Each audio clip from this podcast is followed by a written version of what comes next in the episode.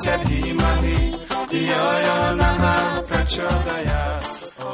een raam ram. Dit is Ashish Mathura van Sanatan Dharmnet in het programma Sanatan Dharmnet Wani. Het is vandaag vrijdag, Vragenvrijdag. En dat betekent dat we weer een vraag gaan beantwoorden die jullie via Facebook of via Twitter of per mail naar ons hebben gestuurd.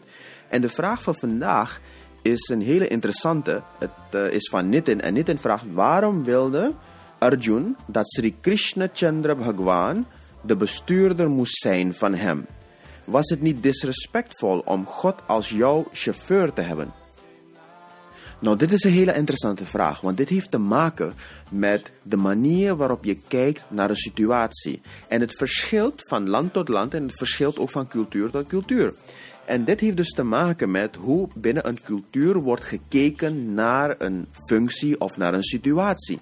En dan zal ik het hebben over de sanaten, dharma, manier van kijken naar een situatie, naar deze situatie. En niet zozeer de manier waarop nu in modern India wordt gekeken naar dezelfde functie.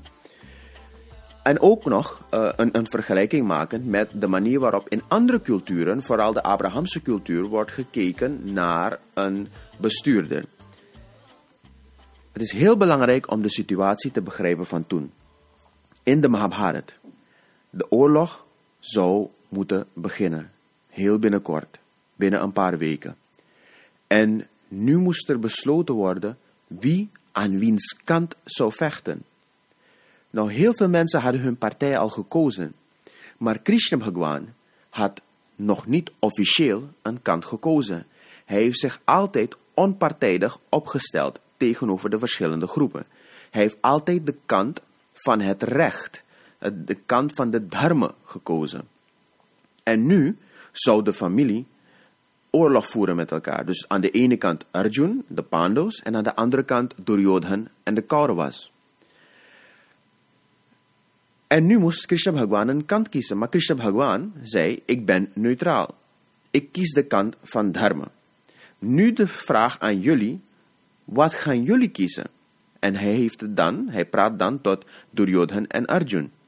Nou, het is uh, op een veel mooiere manier in de, in de filmserie van B.R. Chopra, de Mahabharat, uh, uh, gewezen. En het is heel leuk om dat eventjes te zien. Maar het komt erop neer dat zowel Arjun als Duryodhan de kans hadden om te kiezen tussen of Krishna Bhagwan, dus de persoon zelf, of zijn arsenaal, al zijn wapens, ashtras en shastras zoals wij het noemen. En dus had, hij, had hij zichzelf opgedeeld in, in, in hemzelf en zijn eigendommen, de spullen om hem heen. Duryodhan heeft deze kans gelijk genomen om te kiezen voor de wapens. Want hij dacht, als mijn leger deze geavanceerde wapens heeft, dan gaat mijn leger gegarandeerd winnen. Arjun aan de andere kant koos voor Krishna Bhagwan als zijn uh, rathi, als zijn wagenmenner als, uh, als degene die zijn rat zou besturen. Rat betekent voertuig. En in dat geval ging het om, om uh, uh, dat kar, welke werd getrokken door vijf paarden die we vaak in tekeningen en schilderijen of in murtis zien. Van Krishna Bhagwan en Arjun. Dus Krishna Bhagwan wordt de rati, de bestuurder, de chauffeur van Arjun terwijl zijn wapens, zijn arsenaal, alle geheime technieken die hij had uh, daar in, uh, in uh, Dwarka, die gingen naar Duryodhan. Duryodhan dacht, ik ga gegarandeerd winnen als ik deze wapens heb. Arjun aan de andere kant had een hele andere denkwijze en dit is heel belangrijk om te begrijpen. Arjun dacht, als iemand als Krishna Bhagwan, als iemand als Sri Krishna, als iemand zo bijzonder, zo goddelijk als Krishna mijn bestuurder is, dan zal hij mij automatisch leiden naar victory, naar overwinning. En dit is het verschil in denken. Hoewel in sommige culturen, en ik moet toegeven, nu op dit moment, zoals men nu in India kijkt naar wat een chauffeur is, ja, dan kijkt men neer op een chauffeur. Een chauffeur is een dienaar. Een chauffeur moet gewoon doen wat jij zegt. Maar in die tijd, in die oude tijd, en zeker in oorlogstijd, hangt jouw leven af van die chauffeur. hangt jouw leven af van die rati. Dus Arjun wist dat als hij een verkeerde rati had, als hij iemand had die niet capabel is, als hij iemand had die niet snel kan denken, die niet goed weet te redeneren, die niet weet te handelen op een snelle manier en op een goede manier, dat hij zijn leven makkelijk zou verliezen. Dus was hij juist blij en voelde hij zich vereerd en gezegend om Krishna Bhagwan te hebben als zijn rati, als zijn chauffeur. En Krishna Bhagwan vond Arjun heeft de juiste keuze genomen. Hij heeft niet gekozen voor de materie van mij, alles wat ik heb. Hij heeft gekozen voor mijzelf, voor wat ik ben, voor wat ik vertegenwoordig en voor wat ik kan zijn voor hem. En dat is tegelijkertijd ook een boodschap voor ons mensen. Want wij kunnen ook Krishna Bhagwan hebben als onze rati, als onze bestuurder. En hoe kan dat? Dat is een belangrijk, belangrijk iets om te begrijpen voor ons Hindoes. Krishna Bhagwan heeft voordat de Mahabharat oorlog begon, net voordat de oorlog begon, de spirituele kennis aan Arjun overhandigd. Hij heeft het gegeven aan Arjun. Men zegt ook heel vaak dat Krishna Bhagwan is de Bhagavad Gita en de Bhagavad Gita is de Krishna Bhagwan.